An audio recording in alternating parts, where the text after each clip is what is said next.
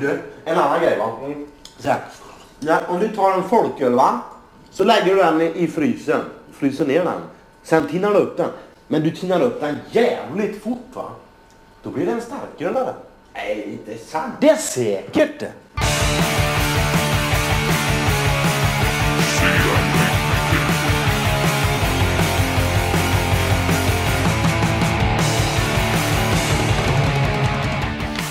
Vi är tillbaka i rock'n'roll-rummet. Båda mikrofonerna är på. Det är alltid en, en, en bra början. Jag ska inte tjata om det nog mer. Nu har vi säkrat, säkrat det för den här gången i alla fall. Mm. Får se. Kan drabbas av några andra tekniska missöden under resans gång kanske. Säkert. Ja. Idag ska vi prata svenska hårdrocksklassiker. Ja, och hur känns det Niklas? men det känns bra. Jag, jag blev lite så här rädd först och tänkte att jag skulle börja sitta och googla en hel natt för att bara komma på liksom, fasen, vilka svenska plattor finns det? Eh, men sen när man satsar ner ändå så, så tycker jag ändå att eh, det kom relativt enkelt. Eh, det var väl en platta jag hittade på slutet när jag gick ner här och, och den dök upp framför ögonen så kände jag att liksom, just det, den, den måste med också. Men, eh, nej, men det, var, det, var, det var kul. Eh, och sen får jag säga att mina är, mina är kanske inga sådana superklassiker. Någon är väl. Eh, men det är en del lite nyare grejer också så här, så att det, men det, är- ja. Det man är lite så här, man är rädd för att glömma bort plattor, eller hur? Absolut. Eh, och sen så, eh, vilken lista man än gör så lär man ju få skit för det. Så Ja. det just för att man har tagit med, man har tagit med det bandet, man har tagit med den plattan. Men, men jag, utgick, jag utgick bara från plattor som jag känner att jag gillar dem förbannat mycket och de har haft någon form av betydelse som gör att jag känner att ah, men det, där, det där måste komma med. Mm, mm. Så att, eh, jo absolut.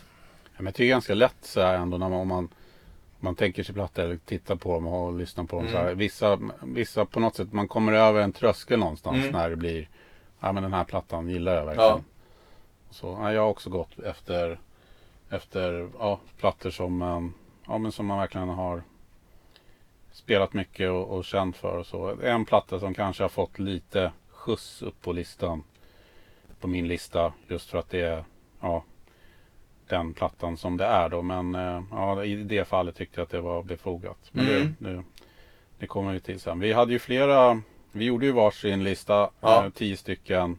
Utan att eh, snegla på varandra. Men vi Mm. hade ju flera gemensamma album märkte vi ganska snart. Ja det blev ju så ja. Eh, vi hade Entombed Absolut. och vi hade ja, Hela Caucus. Helicopters och OPF. Exakt. Som jag sen ändrade. Just det, just det. Men det var exakt samma platta. Ja, ja, ja.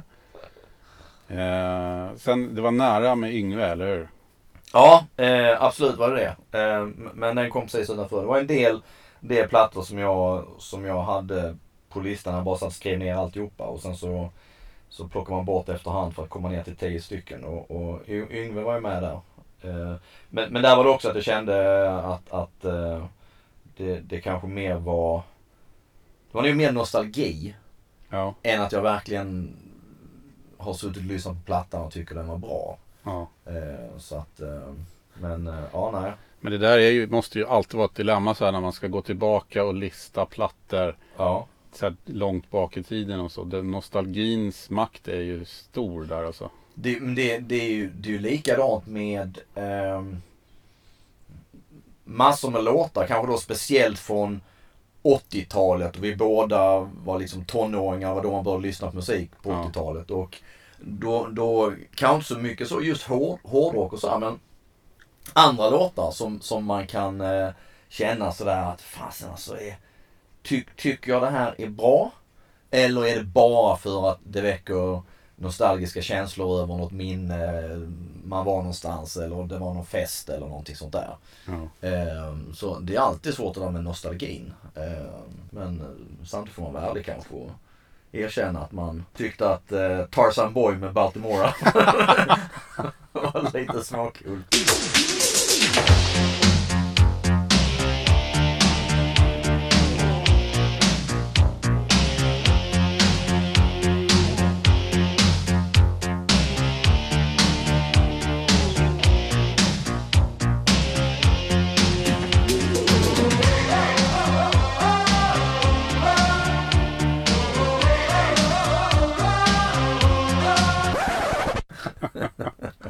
Eller scotch eller någonting sånt där. Ja. Nej, ja, det är inte lätt det där med nostalgi. Det, det, det, det dyker alltid upp. Men jag måste säga att jag tycker det är väldigt mycket hårdrock från den tiden. Mm.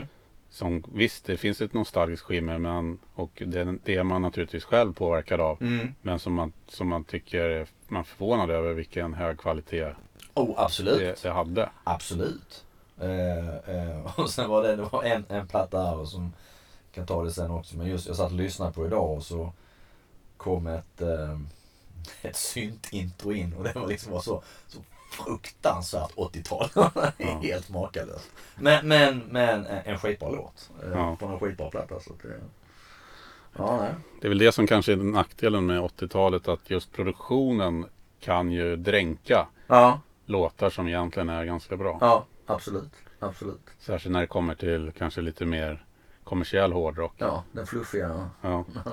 när, håret var stort och spandexbrallorna var tajta.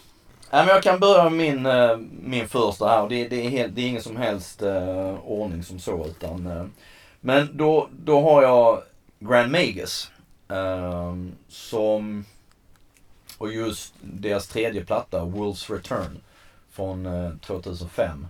Eh, där är en lom med på en av låtarna. Jag kommer inte ihåg vilken låt det är. Eh, men jag minns, jag har intervjuat eh, Janne, sångaren, eh, vid flertal tillfällen. Jag minns just när den här plattan kom så pratade jag om det också. Att, och jag vill minnas det, så han är ju så här väldigt mycket för naturen och, och det där. Um, och undrar om inte han också är lite fågelskådare. Jag var lite så här fågelskådare när jag var yngre.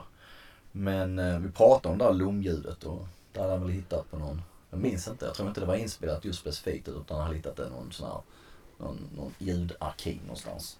Men eh, fantastiskt bra band. Eh, jag älskade debuten när den kom.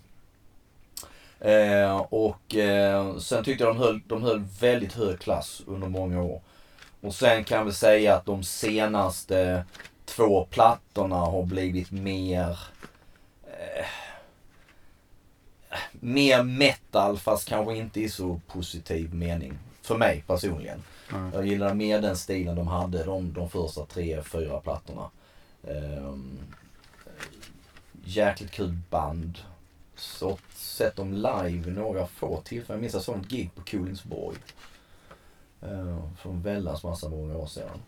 Men, men Bra, eh, bra lokal, Kolingsborg. absolut. Eh, Mitt i Slussen, Mitt i Slussen. Finns inte längre. Stockholm. Men eh, nej, ett, ett, ett jäkligt kul band.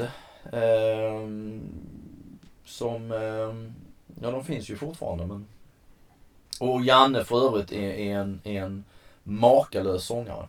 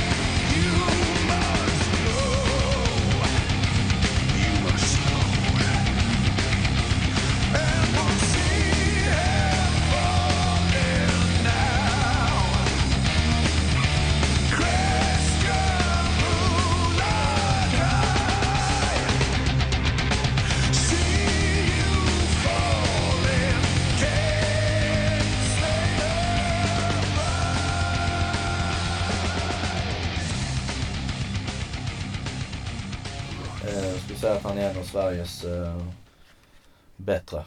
Eh, enorm kraft eh, i den pipan. Så att, eh, ehm, jag vill minnas att, att, att han också, Janne, är en stort fan av Manowar och sådär. Och jag- Det är ett band som jag fullkomligen avskyr. Men det är, men det är mer liksom, mer meta som inte är kanske så, så kul tycker jag. Eh, det, var, de hade, det var mer eget i början på något vis. Även om det var eget som så. Det var väl liksom hårdrock. Men nej, bra band. Alla bör, alla bör kolla upp eh, Grand Magus. Helt klart. De första, Ja, de Tre. första tre, fyra plattorna. mm, Eh, tycker jag håller jäkligt hög klass. Jag, jag minns att jag, jag var... Eh, nej men jag var lite såhär exalterad när det skulle komma en ny Grand Magus-platta. Ja. Det blir man inte längre. Inte specifikt för nya Grand Magus-plattor, men plattor överhuvudtaget. Ja, nej, det ska ju vara inte. speciellt. Liksom. Ja, och sen idag så är det lite där också att man har, man, man har redan hört massa små klipp på YouTube och allt vad Mm. fan det är och det är making of in the studio och massa sådana grejer. Så att det, det förtar ju lite där med, med nya plattor faktiskt. Så att det, Och det släpps många låtar innan. ja, Verkar Ja, väl en visst. trend att det är Visst. liksom tre, fyra låtar ute exakt. när albumet kommer. Och där är man väl gammalmodig men men jag, man, man gillar ju den där fullkomliga överraskningen som då var på 80-talet, 90-talet innan internet och allt det här. När man faktiskt inte visste någonting. Man har kanske läst om någon, någon låttitel eller någonting sånt där men Mm. plattan var verkligen en fullkomlig överraskning. Och det blev verkligen så här att det kunde vara liksom, ja det kunde vara helt fantastiskt. Mm. Eller så var det fullkomlig skit Mm. med ditt favoritband. Så att det, Ja. ja, ja, Eller så ibland så det hände, hände ju att det köptes skivor med band som ingen hade hört bara för att det var ett coolt omslag eller att det var kanske en snygg brud på omslaget. Absolut, oh ja. Självfallet. Det, då var det ju maximal eh, överraskningseffekt. Ja, ja, ja, ja, ja. Helt klart, helt klart. Oftast var det väl tyvärr åt det negativa hållet. Men ja, ett och annat fynd gjordes ju. Jo, ja, absolut. Absolut. Så helt klart. Ja, vad har du då? Eh, högt upp på listan så har jag ju Hellacopters. Mm. Kanske inte är någon, eh, någon överraskning men eh, det var faktiskt eh, Ja det tog väl ett litet tag att i och med att vi bara skulle ha en platta per band som, Mm. vi, som vi tog upp här då. Eh, så var det ganska lätt för mig att komma fram till deras andra platta. Paying the Juice från 1997.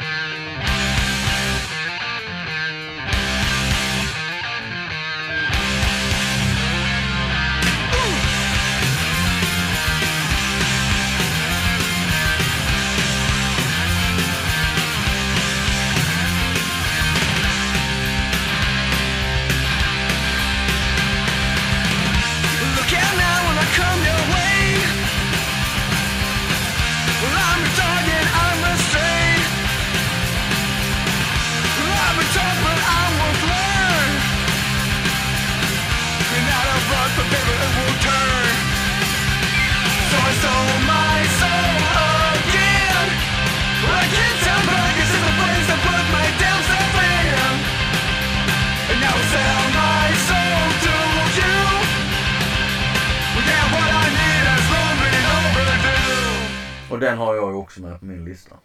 En eh, actionrock-klassiker. Oh, actionrock, Till ja. 100 procent. Ja, verkligen. Jo men det, där, där var vi väl eniga också om att Super Shitty to Max, den är ju kul som så som platta och Gotta Get Some Action och, och sådär. Men den är som helhet eh, ganska skramlig tycker jag. Och håller kanske inte riktigt hela vägen. Medan eh, Pain the Do så hade de mer, hittade mer ett, ett, ett mer en, enat sound på något vis. Jag vet inte om man ska Mm, säga mm. Eh, och eh, mängder med riktiga rackebrakarlåtar. Så det är... Verkligen. Det finns ett gäng där.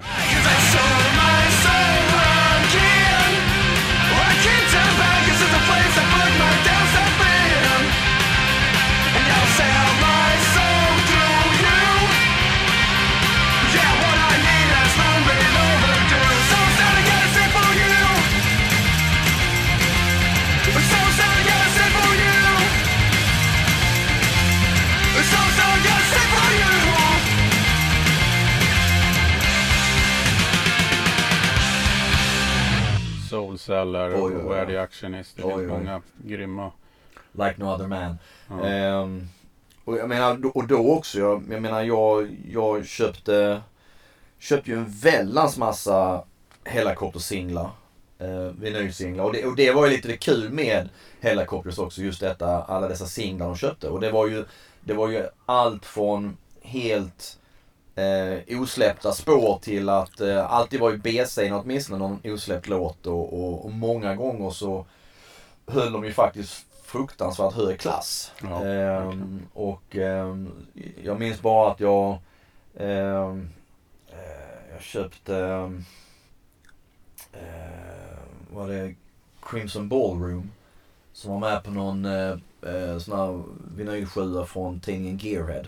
För Mm. mig det var. Helt fantastisk låt. Ja, Så man tänkte, fasen kom inte den med på någon platta för? mm. Och likadant med um, uh, singeln eh, The Devil Stole a Beat from the Lord med två B-sidor eh, som också uh, Holiday Cramps och Be Not Content har jag för mig det var. just det. på Pet Sounds. All, alla de här låtarna finns ju samlade. Ja, Cream of the Crap Volume 1 och 2. exakt, exakt. Det är en jäkla massa låtar. Nej, något enormt. De var ju galet produktiva. Men det, det går väl, eh, det ligger väl i linje med Nick Andersson. Han är ju sinnessjukt eh, produktiv och liksom spottar ur sig låtar. Ja, Så ja. att, eh, men just Pain the Deuce, fantastiskt bra. Kom 97. Och jag för mig det var, jag såg dem på, jag för mig det var Lollipop då också. Mm. Um, så såg de där, och där de förstörde, tror jag, trummor och grejer och smackade Mm. sönder och sådär. Ehm, Jag såg dem på någon kryssning som de gjorde tillsammans med Backyard Babies, Teddy Bears och Fireside. Så Dregen spelade då med två band. ah, ja, okej, okej. Det var, det var nog direkt efter Pain It Use. Ja, Ehm, ja, det var, då var de i fantastiskt bra form. Alltså, enormt. Enormt. det, jag såg videon till låten Soul Seller Ja, när de spelar och det känns som att där i stil och så är de någonstans på peak för, för min smak. ja, absolut. Och där har de verkligen på något sätt tagit den typen av tre ackords Ja. rock'n'roll till en jäkligt hög nivå Ja. i, i min bok. Så. Ja. Sen blev ju Helicopters lite ett annorlunda band lite efter det. Grand Rock var väl ungefär samma stuk fast lite mer polerad kanske. Alltså Ja. efter. Eh, helt klart. Ehm, Men sen kom det in lite andra influenser. Blev No Song Unheard och sådana låtar. ja, och sen, och sen fick de lite mer, alltså sen blev de ju mer putsade, Mm. får man säga.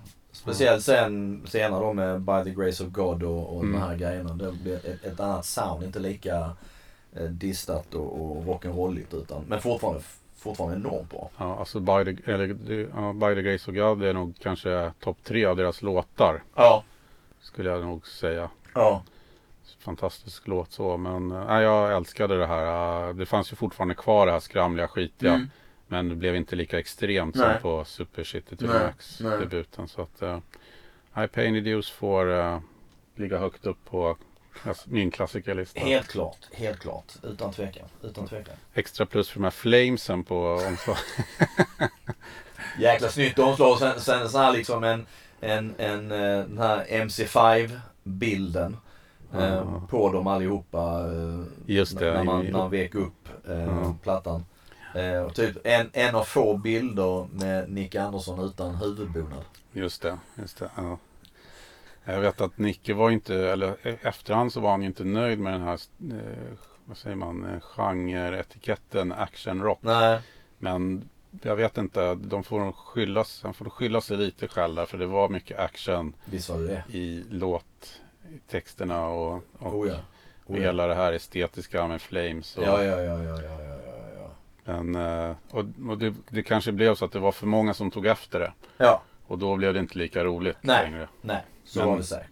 Men när de körde det där, då var det ingen som hade gjort det innan. Nej, nej. Alltså, ja, i alla fall MC5 och så, men Jo, inte, jo. inte på det Nej, nej. Och absolut Och- inte i Sverige. Nej, nej, exakt. Men, eh, nej men en, en eh, fantastisk platta. Fantastiskt bra. Eh, väl värd sina pengar. När man tjackar den. Ja, Ja, vi är inne på Nicke Andersson. ja. ehm, kan väl ta en Tombed. Ja, Uh, jag, jag har ju med då To Ride, Shoot Straight and Speak the Truth från 97. Samma år som Pain Deuce. just det. Eh, sista Entombed-plattan med Nicke Andersson. Mm. Eh, den kunde vi också enas om. Jag hade svårt med Entombed där att plocka ut en platta. Jag gillar ju debuten väldigt mycket, Left Hand Path Mm. och eh, Wolverine Blues är också väldigt högt där. Men jag kan absolut enas med To Ride. Det var väl här Death and Roll på något sätt pikade. Ja. Eh, jo men jag, den, ja men det, det är ju en jävligt bra beskrivning Death and Roll. För den är, det är ju mer rock'n'roll över på något vis. Mm. Eh, men eh, nej. Eh, också fantastiskt snygg platta och vi, vi har pratat om det innan men där, är- där är ju då massa saker som de har lånat från uh, Sweet och där är Alice Cooper och det är något, något uh, Kiss-riff. Jag undrar inte det är, undrar inte det är solot från She. Med Ah. Kiss som är med någonstans och det i sin tur stal ju Ace Frehley från eh, The Doors. Mhm, Okej. Eh, låten, uh, vad heter den? Five to one. Exakt. Just det. Ja. Men nej. ehm, nej det var väl där också då som då, då det blev väl där att Nicky då helhjärtat körde med Hellacopters istället. Mm. Ehm, och sen kom då uh, Flinta in, Peter Stjärnvind och, och tog över. Mm. Ehm, Det är en jävla rökare alltså. det är en Titelspåret. riktig uh, förbannad rökare. Like this with the devil är ju en riktig röjare snarare. Ja, och Lights, eh. Lights Out är helt underbar. Jag, jag älskar introt eh, i den. Lights out. Everybody.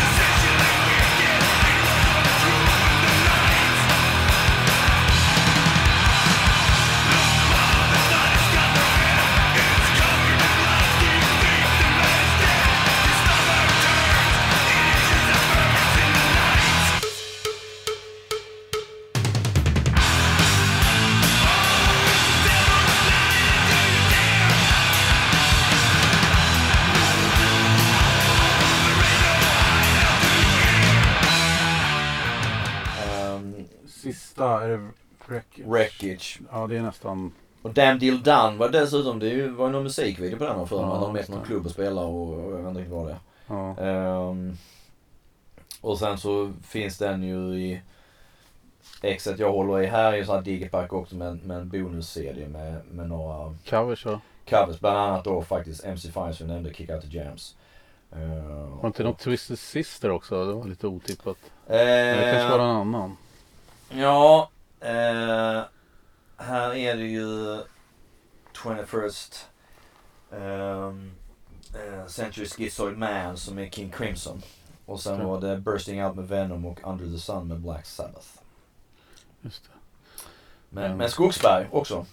Ja, var det är väldigt många. pillat. Det är väldigt många plattor som på min eh, topplista som Thomas Skogsberg har producerat. Ja, Så att eh, det är väl någonting som passar mig. Det hans analoga, lite skra, oftast skramliga. ja men det, det är förbannat bra. Sen är ju bookleten fantastiskt snygg. Eh, Med planet där. Med planet där och en Ja. på, eh, på sidan. Det är class. Riktigt jäkla tjusigt alltså. Men ja, nej. Förbannat bra platta. Och jag, samtidigt är det också att jag Just med en tom så Jag var ju skitsen på detta. ehm, med en Tomb. Ehm, men sen så såg jag ju, för en, en av mina starkaste musikupplevelser, och det här kan vi ha snackat om innan också, men det var ju när, när en Tomb körde på eh, Kungliga Operan. Tillsammans med balettföreställningen. Just det. Eh, och ehm, eh, det, det, eh, nej, det, var, det var fruktansvärt bra. Jag kommer inte riktigt ihåg när det var, 2000.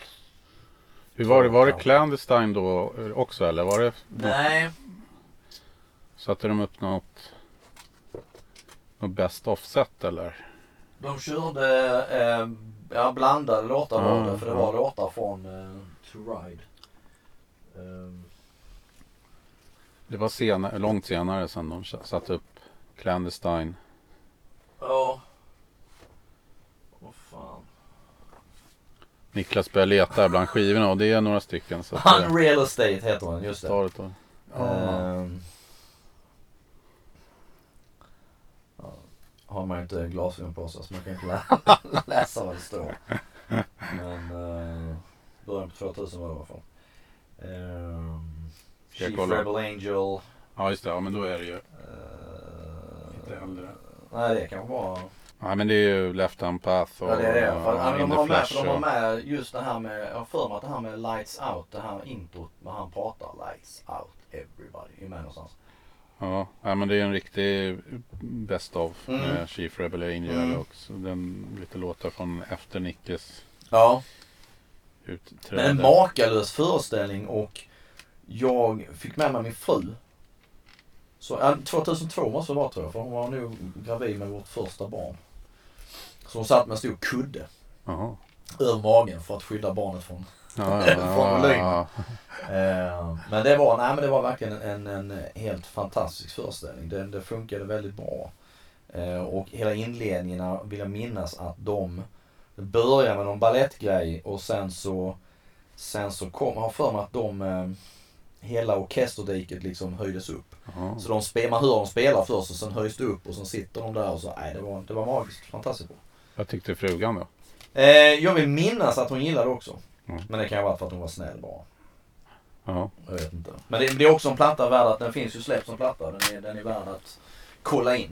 Men det var väl så med en tum att många som kanske hade ja, mest lyssnat på mer traditionell hårdrock eh, upptäckte de kanske med den plattan. Ja. Kanske den innan Wolverine Blues också. Ja. Death and Roll. aktig, Eh, som kanske hade skrämts bort då lite av den mer, mer klassiska death metal som är på Ja, de första, första plattorna. Då. Det tror jag också. Helt klart. Eh, men eh, ja, jag kan rekommendera dem alla.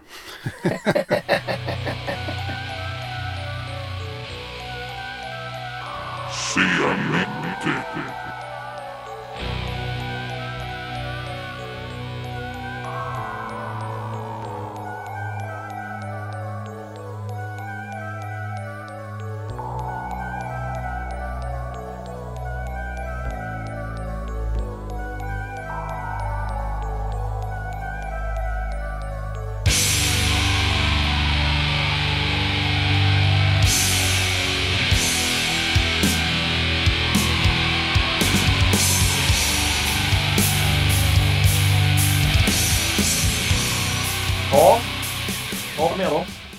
Eh, ska vi hänga kvar vid Skogsberg? Ja, kör på det. Thomas Skogsberg, den, denna svenska demonproducent Mm. som eh, alltså metalband, kanske främst death metalband Mm. har ju vallfärdat till Stockholm Mm. och spelat in i hans studio. Eh, Sunlight Just som det. förut låg vid Stadshagen. Ja. Nu, nu tror jag den ligger ute på Vischa någonstans. Okej, ja, mycket möjligt. Jag har faktiskt ingen koll på det. Nej, det var-. Han flyttade dit. Eh, men eh, ytterligare en platta som är spelad in där, ungefär samma tidsepok. Total 13. Just det. Total 13 med Backyard Babies. Just det.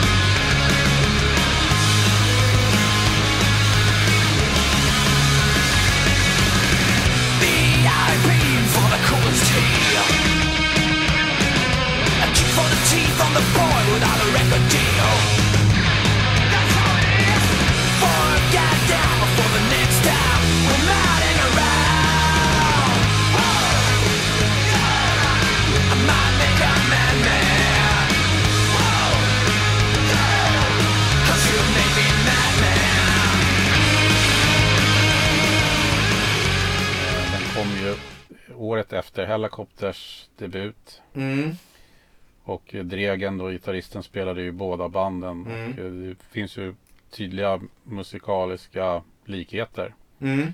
Men samtidigt så, Definitivt. så kom ju Backyard Babies från en helt annan från en helt annan musikalisk bakgrund än, Ja. än Nicke då. Ja, Eftersom de kom med sin sleaze bakgrund. hade ju släppt sin första just det. Diesel and Power som Just är en riktig Just det. platta. Här blir det en blandning av sleaze. Det är rätt mycket punk i Total 13 tycker Jo det är det. det, det jag gillar den och eh, men var nu såg att jag jag eh, jag tappade nu intresset faktiskt efter den. Eh, så att jag var pang på, gillade den. Eh, den blir då också ganska skramlig och sådär. Eh, bra låtar. Men sen så efter det så, jag vet inte. Nej. Men du och din polare gjorde ändå egna Backyard Babies-tröjor. Ja, alltså vi, vi, vi var ju tre stycken och, och, och eh, ena polaren är då reklamare och kan allt sånt där. Så att han, vi gjorde ju helt fantastiska gula t-shirts. Så vi hade en var och sen hade vi, undrar om vi hade med oss, kan ha varit att vi hade med oss 1x eller 2x. Jag minns inte. Det var kan bara 1x. Vi gav ett som, som Dregen fick. På, på en eh, spelning. Det, ja, exakt, det var Tulla Krok i Ängelholm och detta var 97 då. Vilket kom fram till i och med att den, att den var signad och det står 97 på ryggen. Eh, men det, är- nej, men det är cool. Den, är, den blir jäkligt cool. Um, även om den är illgul. Eh, och de spelar högt så in i helsike. Eh, men eh, vi tyckte det var skitbra. Och då uppskattade de tröjan. och sen intervjuade jag Nicke och Dregen många, många år senare eh, på radio. Och då hade jag på mig den tröjan. Eh, och vi pratade om det och då Dregen sa att han hade något svagt minne av att den faktiskt hängde i deras replokal. jag tror han ljög och, och sa det för att vara snäll. Men, men, nej, det är en kul samtidigt, grej. den, den är ju, vi kan lägga ut den på Instagram Ja. sen, men den är ju väldigt proffsigt gjord. Den är skitsnygg gjord med, med eh, eh, polaren tog direkt eh, texten till Backstabber. Så som jag tror den är, den är skriven, så som den är skriven med Ja. skrivmaskin från, från plattan. Så, och så kom ju alla tre gåendes med de här. Bara det såg jävligt dumt ut. Tre stycken, tre stycken kom Ghostbusters. ja med illgula t-shirts. liksom. Lite halvdragna sådär. Plus att de var alldeles för stora. Den är ju stor som ett jävla tält. Eh, men en kul grej. Jäkligt kul. Det var rea på XL, Ja, det, var, X, det måste ha varit det. i Det färgen gul. Ja, jag fattar inte varför han var så jävla stora tröjor. men, eh, nej, men lite roligt. Li- Ett, ett, ett kärt minne och ett fantastiskt bra gig. Alltså det var också så här, det var... De var verkligen laddade så in i helsike. Och, och uh, Tulla Krok i Ängelholm är liksom ingen stor festival. Men det är en sån här kultfestival. Någon, någon, jag har för mig någon gammal, någon gammal vänstergrej som levt kvar. Jag tror det är faktiskt en av Sveriges, om inte Sveriges äldsta musikfestival. Okej. Eh, jag vet inte om det existerar fortfarande men eh, eh, de lirade, de lirade ganska sent så det var liksom eh, det hade ju hunnit bli mörkt och så här, men det var ett sju helvetes jäkla ös. Vi stod längst fram och skrek med där och, och eh, ja, det var jäkligt kul.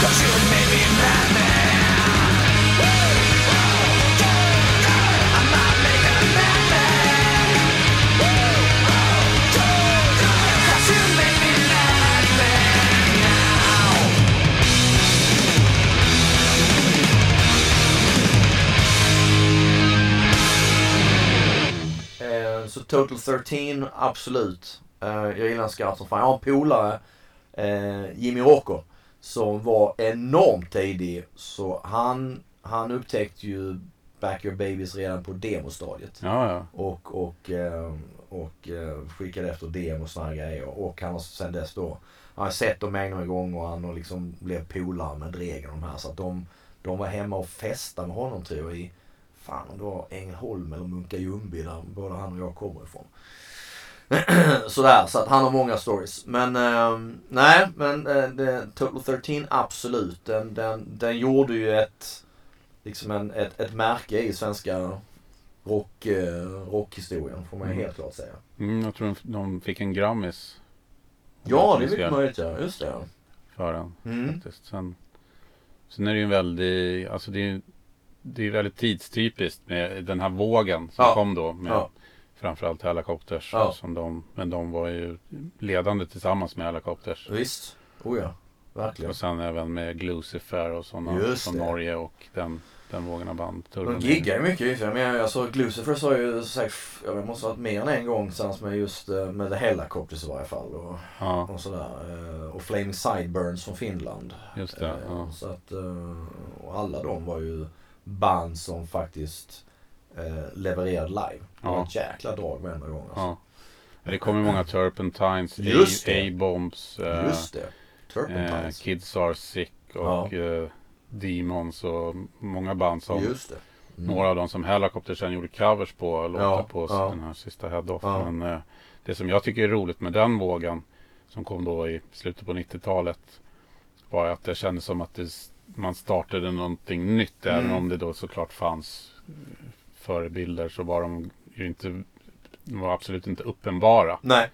Utan att det var liksom ja, en MC5 och eh, eh, New Bomb Turks och sånt som Helicopters hade som förebilder. Det var ganska otippat egentligen att det skulle bli en svensk scen runt Ja. det.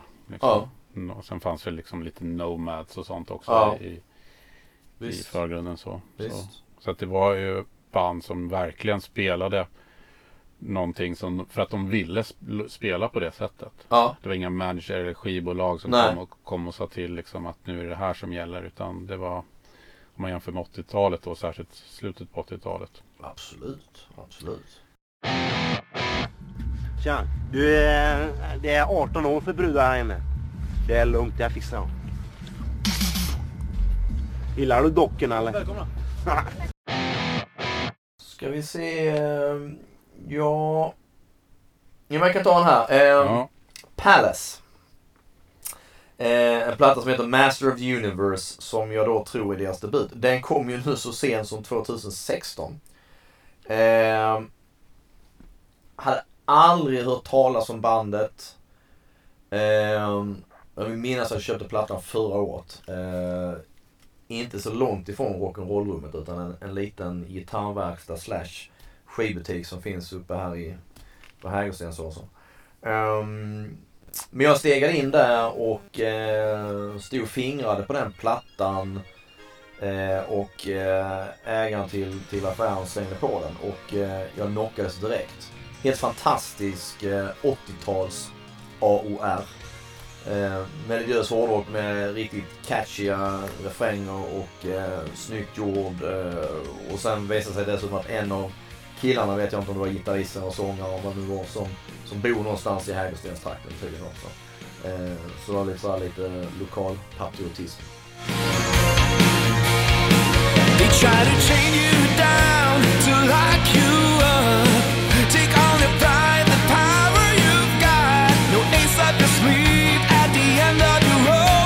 It's hard to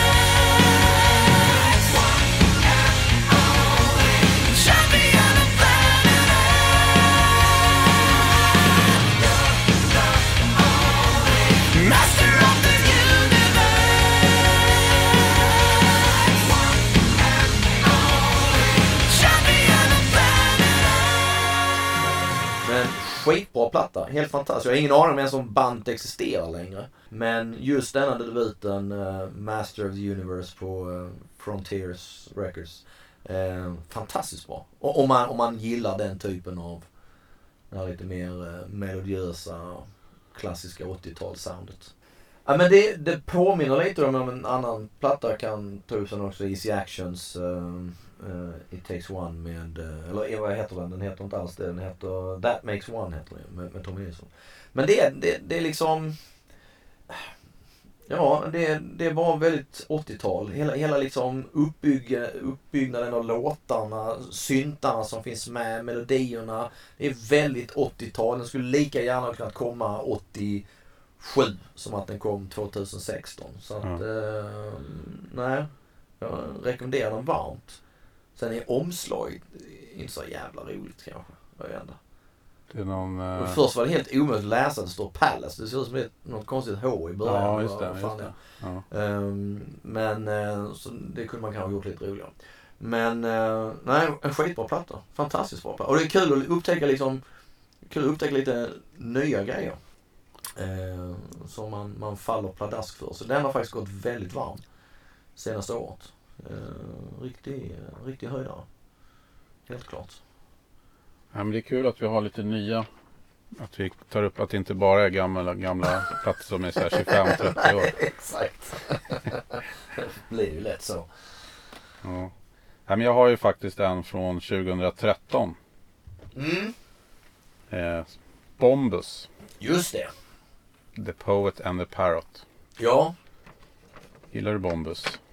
Ja, men jag har lyssnat en del och, ehm, och jag tror jag lyssnade sedan vi sist snackade tror jag. Ehm, lite då, jag- minns bara att det, det. det stod det stod mycket om dem. Och de, det. de blev liksom ganska så hypade sådär och, och många droppade Bombus som ett av de där nya banden. Ehm, och eh, absolut, det låter jäkligt bra. Jäkligt Ja, just bra. det. Vi pratade om den för de kommer med en, en ny platta i år ju. Ja, ja, ja. Mm. Vi pratade om. Och eh, för, förra, alltså 2016. Eller vänta nu, tiden går snabbt. Var det 2017? 20, nej, det måste ha varit 2016. Eh, det har ju kommit en platta emellan. Som, Okej. som eh, heter Repeat Until Death. Ah, okej. okej. Som också är, är ruggigt bra Mm. eh, platta. Eh, det är ös. Det är eh, Motörhead brukar droppas när man ska beskriva dem. Okej, ja, ja. Men det är bara, jag tycker den referensen bara funkar till viss del. Så, Ja. eh, faktiskt.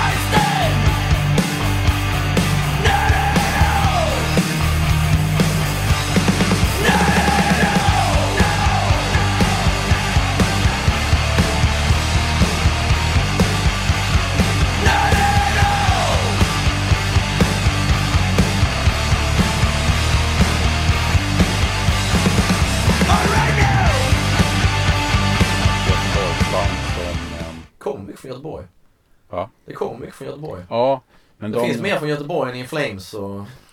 At the Gates och, och eh, Graveyard. Ja, just det. Men eh, de sticker ut lite. Det är inte det typiska Nej. Göteborgs... Eh, Nej.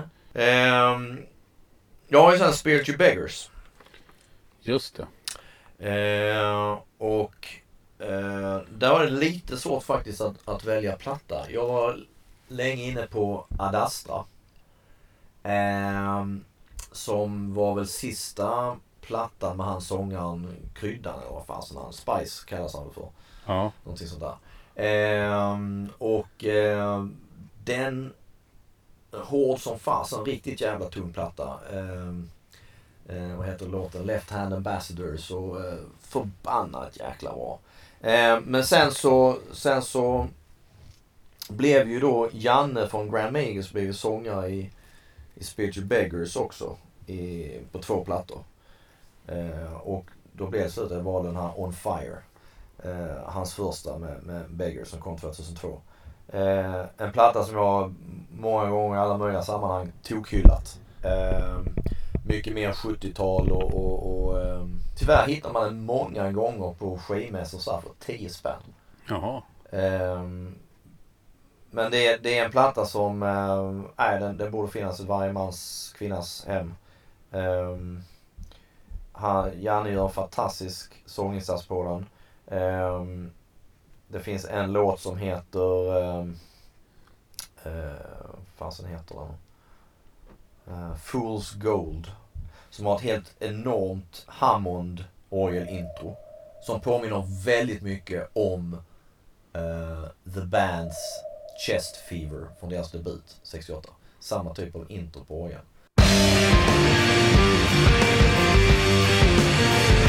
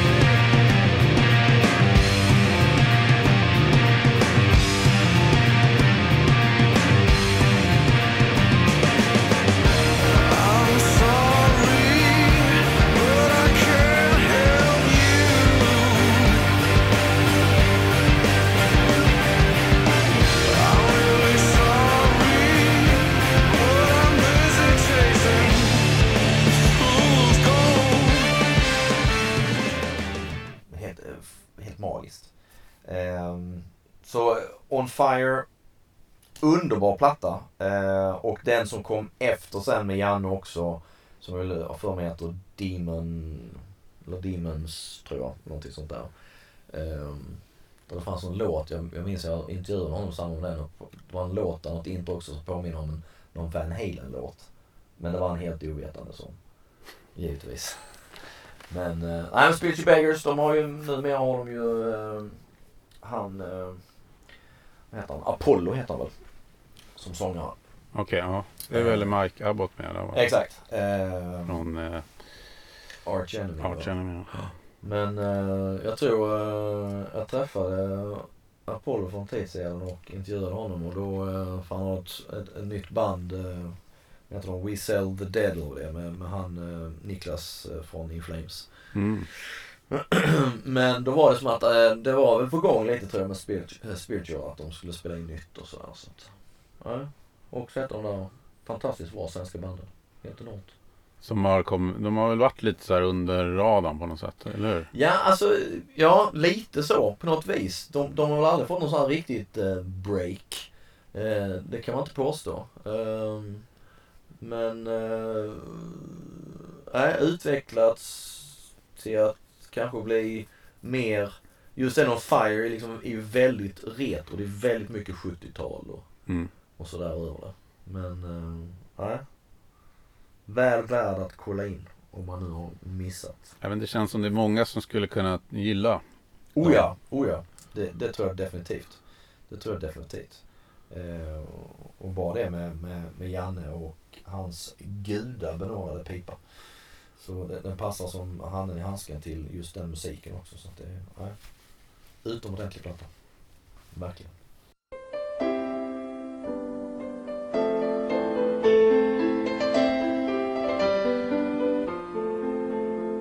Jag har ju en Europlatta på min lista. Ja, jag fick inte med någon Europe. Men eh, var det ens nära? Ja, jag hade skrivit upp uh, Out of this world. Ehm, jag gillar den, jag har alltid gillat eh, Superstitious. Ehm, men sen har det inte varit något riktigt, uh, riktigt uh, Europe-fan som så. Ehm, Men var det inte lite så här att om man gillade hårdrock då när Final Countdown blev så stor, 86 va? mm. Då, var, då, då tappade man ju Europe. Alltså det, man, det Ja. var inget band som man längre kunde förlika sig med. Nej, och så var det väl att, att Det blev ju ett popband. Ja, de, var- de var väl mer hårdrock på de, de första plattorna och sen kom Ja. denna som verkligen eh, hängde på väl vågen av Ja. stort hår och permanentat och lite mer glättigt och, och sådär. Eh, sen gillar jag, jag gillar den plattan och flera av låtarna, Cherokee och sådär. Men eh, Men i alla fall var det så för mig då när den kom att de kompisar jag hade och jag själv som lys- lyssnade på annan, man började lyssna på lite hårdare. ja, Man, fick- man, alltså, även om man tyckte det var bra så vill man inte erkänna det liksom. Carrie liksom. nej, nej visst. Och visst, det var ju den värsta låten. Ja. Men, men eh, ja, men det var ju ändå på något sätt kört. Liksom. Jo, jo. Uh, jo, nej men så kan det ju ha varit. Eh, eh, och jag, jag tyckte det var kul med Final Countdown. Det, det hade vi nog Pressklippen. också. Men exakt. Att jag tyckte liksom att fasen svensk band, svensk hårdrocksband som det går väldigt bra för och, Mm. och turnera i USA och hela den här grejen och så. Det blev så stort med Final Countdown. Ehm, och egentligen borde ju det ha varit någonting som jag tyckte var väldigt, för jag var ju helt fast i, i uh, Sunset Strip grejen med spandex och sminkade killar och där. Men eh, nej, jag, jag fastnade ju aldrig riktigt för, för Europe av någon anledning. Jag vet inte. Sen tycker jag på senare år att de, de plattor de, de nu gjort eh, som senaste Walk the Earth eh, och eh, vad heter den andra? War of, King, War of Kings, vad heter de? Ja, någonting. Schackpjäsen utanför och där i alla fall. Står helt still. War of the Kings, var det Ja, någonting sånt heter. Ja. Eh, jag gillar dem jättemycket. Tycker det är fantastiskt bra plattor. Eh, Mm. Speciellt den senaste. Men nu, nu har de ju sen en, flera plattor innan det också mer gått tillbaka till något, något Ja. tyngre bluesigare som skiljer sig markant från det de, de pysslade med på 80-talet och Mm. tidigt 90-tal. Så. Mm. Men, men det är väl kul att de hänger på. Joe Tempest likadant där. Fantastisk sångare. Jag har ju med Wings of Tomorrow. Det är ju lite nostalgiska, Ja. nostalgiskt skimmer över det. Det var ju en platta som man lyssnade på då när den kom. Ja. Och, eh, men, och det tog säkert 20 år sedan utan att jag lyssnade på den. Ja, okej. Alltså, men sen när jag lyssnar på den nu så tycker jag ändå att det, det är en, liksom en klassiker. Ja. Är, där är de ändå kvar och gör någonting som det känns som att de vill göra. Det är rätt Ja. mycket så här Thin Lizzy och Rainbow och sånt i det. Även om det är ganska så Open Your Heart och de här låtarna är lite toppiga. Så, men,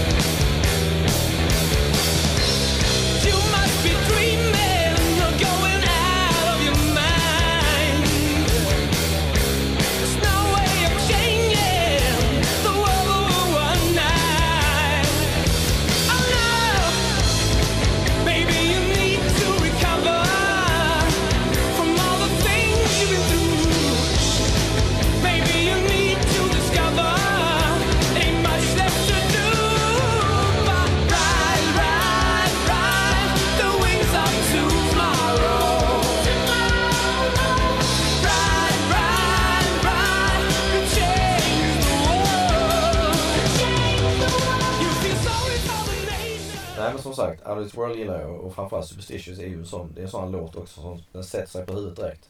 mm. Eh, så det, det, den kan jag gå omkring och, och nynna på. men det var ju ett svårt läge för att alltså de, på något sätt kunde de ju inte lyckas med uppföljaren. Nej. Final Countdown blev en pophit. Ja. Det var liksom så här etta i, jag vet inte, men det var väl etta i 20 länder. Ja, ja, säkert. Och det var ju inte hårdrocks Nej, nej, nej. publik och det var inte en publik som de ville ha egentligen. Nej. Som, det är klart att de ville tjäna pengar.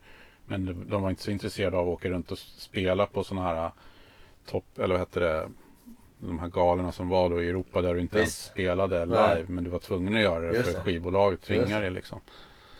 Så att de hamnade väl i, och då har de säkert gått igenom, eller liksom berättat om att de hamnade i ju någon slags fälla liksom. Ja. Sen är, sen, är, fan, sen är ju den här jäkla synten på just låten fan, är ju fruktansvärt usel. Tycker jag. Ja. Det är liksom så jäkla uselt syntsound. Mm.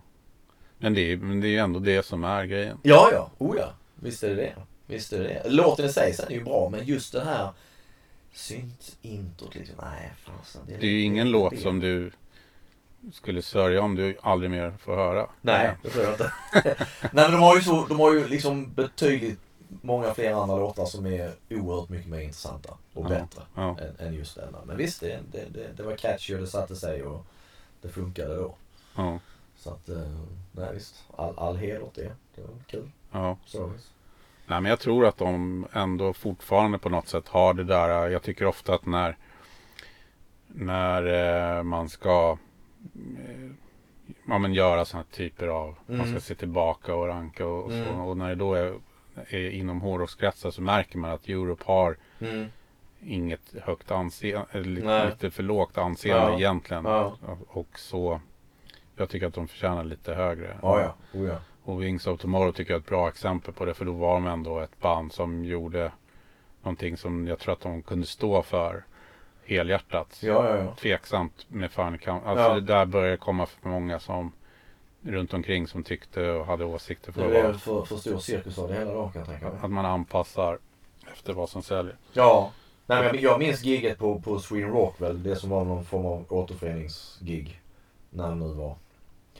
Eh, och det minns jag bara som att det var fruktansvärt bra. Ja, Enormt bra. Och, att jag stod och tänkte också att ett, eh, vilka jäkla låtar de har. Två, vilken helt otrolig röst han fortfarande har. Eh, så det, det var otroligt kul att se. Det var, det var riktigt jäkla roligt att stå och titta på. Nej men det är väl lite det här att de är de, ett av pudelbanden och kanske Mm. ett av de som, som eh, verkligen eh, eh, som var ledande av Ja.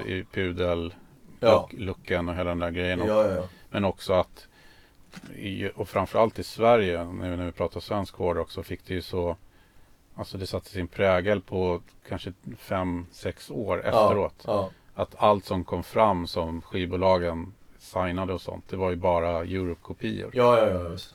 Så det blev ju enormt likriktat och tråkigt. Mm. Och i mitt tycke ointressant och Oh dåligt. ja. Oh ja. Oh ja. att det var, det var liksom helt, man hade helt fel referensramar när man sprang runt och jagade liksom Final Countdown. Absolut. Och man märkte ju att det påverkar också unga, unga alltså band och så som var egentligen då kanske hade egentligen ville spela lite tuffare musik. Mm. Men det är klart att man ville ju liksom komma någonstans med bandet. Jo. Och då var det bara det här som gällde under några år. Ja. Liksom. Och det ser man ju på all svensk hårdrock som kom där ett tag.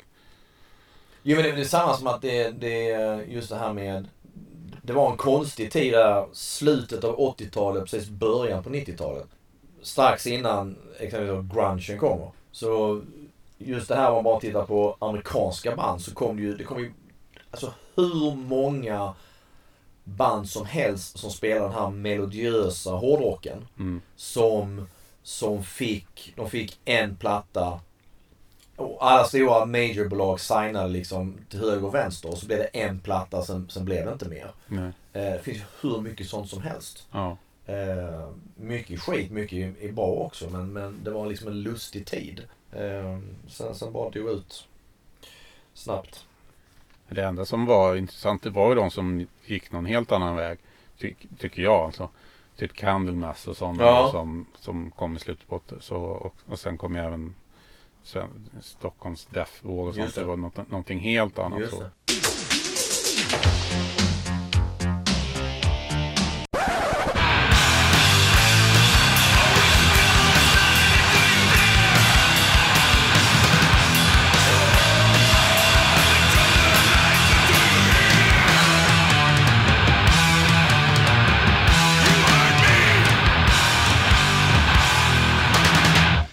Nej, vi hinner inte längre i avsnitt 19. Så vi får helt enkelt ta resten av skivorna i nästa avsnitt. Tills dess, ha det så bra. Vi hörs. Är det sant? Det är säkert!